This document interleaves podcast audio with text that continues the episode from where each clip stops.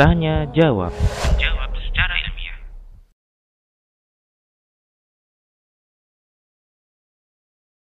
Siapakah yang mendapatkan syafaat? Tentunya perlu kita pahami dan ini tentunya pembahasannya eh, butuh satu majelis terkait dengan eh, syafaat itu. Apa yang dimaksud dengan syafaat? Eh, apa bentuk-bentuk syafaat? Ya, saya jelaskan bahwa syafaat semoga Allah SWT memberikan kemudahan untuk kita memahami ya agar para akhwat sekalian paham apa yang dimaksud dengan syafaat. Syafaat itu dalam bahasa artinya genap. Ya, dalam bahasa artinya genap. Maka ada istilah al-witru, ada istilah asyaf'u. Witir itu ganjil, asyaf'u itu genap. Ya, dari dari kalimat inilah syafaat diambil. Jadi seakan-akan seorang yang diberi syafaat tadinya sendiri, seorang diri, kemudian akan datang orang membantunya sehingga dia menjadi dua orang bersama dengan dia. Ini syafaat. Maka para ulama mengatakan syafaat itu adalah bantuan, kemudahan yang Allah berikan kepada seseorang melalui perantara orang orang lain. Itulah syafaat. Ya. Jadi ada bantuan kasih sayang Allah yang Allah akan berikan kepada seseorang tapi melalui perantara orang lain yang Allah beri izin ia untuk membantu orang tadi.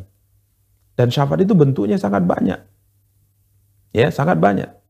Sampai syafaat ini dijelaskan bukan hanya kekhususan para nabi dan rasul. Ya, bukan hanya kekhususan para nabi dan rasul. Akan tapi syafaat ini sampai dikatakan malaikat memberi syafaat. Orang saleh memberikan syafaat. Syuhada memberikan syafaat. Ya, jadi semua orang-orang saleh bisa memberikan syafaat antara satu dengan yang artinya bisa memberikan bantuan. Tapi dengan catatan diizinkan oleh Allah untuk memberi bantuan, kita yang memberi syafaat diizinkan, kemudian orang yang akan kita beri syafaat juga orang yang diizinkan untuk diberikan bantuan.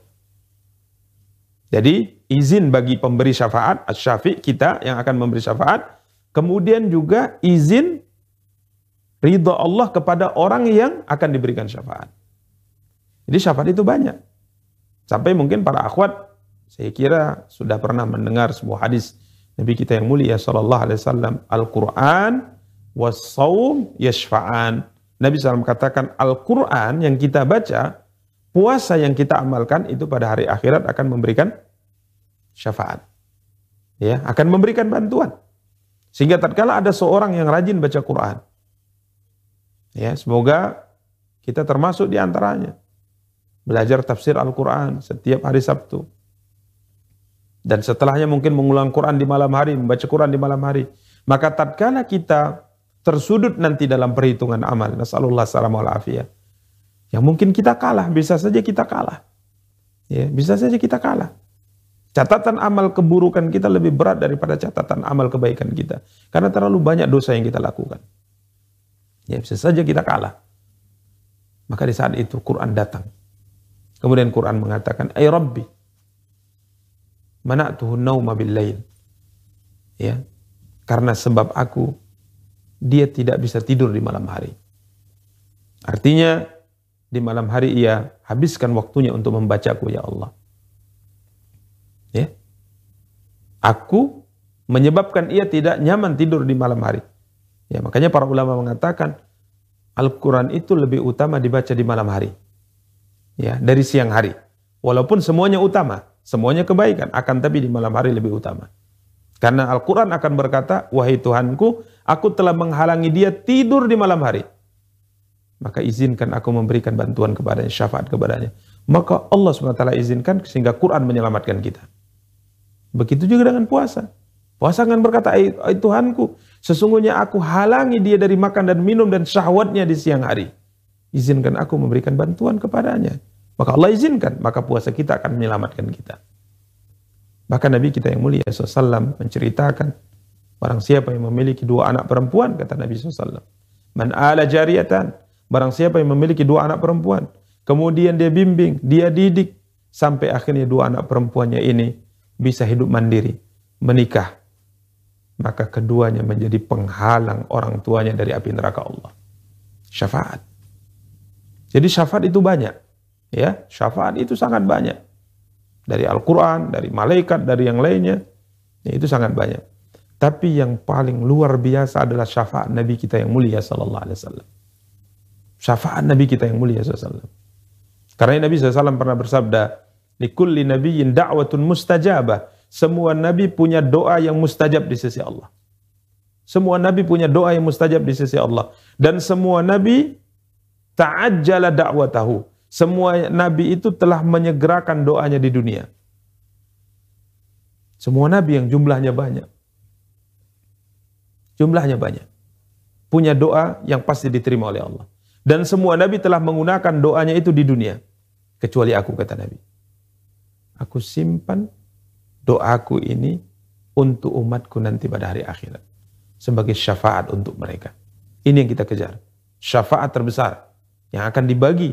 Yang akan diizinkan oleh Allah diberikan kepada umat beliau sallallahu alaihi wasallam. Maka kalau pertanyaannya syafaat yang ini syafaat Nabi kita yang mulia sallallahu alaihi wasallam maka hal itu pernah ditanyakan oleh Abu Hurairah langsung kepada Nabi kita yang mulia sallallahu Ya, kalau maksudnya pertanyaan syafaat yang dimaksudkan syafaat Nabi SAW bukan syafaat yang lainnya. Ya, padahal sudah kita jelaskan syafaat yang lainnya sangat banyak. Tapi kalau dimaksud adalah syafaat yang paling utama, syafaat yang paling besar, syafaat yang paling agung, syafaat yang paling didambakan oleh setiap muslim, siapakah yang berhak mendapatkan syafaat ini? itu sudah ditanyakan sekian belas abad yang lalu oleh sahabat yang sangat luar biasa Abu Hurairah radhiyallahu taala Abdurrahman bin Sakhr radhiyallahu an. Suatu hari Abu Hurairah berkata kepada Rasulullah, "Ya Rasulullah, man as'adun nas bi syafa'atika yaumil qiyamah?" Wahai Rasulullah, siapakah dari umatmu yang paling berbahagia mendapatkan syafaatmu kelak pada hari kiamat? Apa kata Rasulullah kepada Abu Hurairah? Sebelum beliau menjawab, Nabi mengatakan, Ya Abu Hurairah, aku tahu tidak ada seorang pun yang akan bertanya seperti pertanyaanmu ini kecuali engkau. Karena aku melihat engkau adalah orang yang sangat memiliki keinginan kuat untuk mendapatkan ilmu. Lihirsika alal ilm. Karena engkau adalah orang yang sangat tamak untuk mengetahui ilmu. Punya semangat kuat untuk menjadi orang yang berilmu. Aku tahu tidak ada seorang pun yang pertama kali akan bertanya seperti ini. Ini perkiraanku. Kata Rasulullah, nggak akan ada orang yang bertanya seperti ini kecuali engkau yang pertama kali. Maka Nabi bersabda, As'adun nas bisyafaati yaumal qiyamah man qala la ilaha illallah khalisan min qalbi. Orang yang paling berbahagia, umatku yang paling berbahagia, mendapatkan syafaatku yang besar tadi, yang paling mulia adalah orang yang mengucapkan La ilaha illallah. Dia bersaksi, tidak ada sesembahan yang berhak disembah kecuali Allah, khalisan min qalbi. Ikhlas, murni ucapan syahadat itu muncul dari hatinya yang paling dalam. Ini adalah orang yang paling berbahagia dengan syafaat Nabi SAW. Jadi mengucapkan la ilaha illallah memang benar-benar tulus dari dalam hatinya.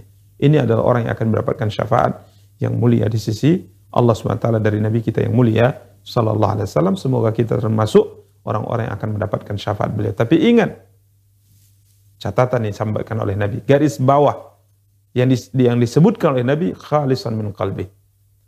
Ucapan asyhadu an la ilaha illallah tulus dari hatinya yang paling dalam. Ketahuilah, orang yang kalau sudah bersaksi la ilaha illallah tulus dari hatinya, maka dia tidak akan beribadah kecuali hanya kepada Allah. Dia tidak akan menyembah kecuali hanya kepada Allah. Dia akan menjauhi segala macam bentuk kesyirikan. Ya, dia akan bertauhid dan akan menjauhi segala macam bentuk kesyirikan. Ini jawaban yang disampaikan oleh Nabi kita yang mulia sallallahu alaihi wasallam yang paling berbahagia dengan syafaat beliau adalah orang yang mengucapkan la ilaha illallah ikhlas dari hatinya, tulus dari hatinya yang paling dalam wallahu taala alam.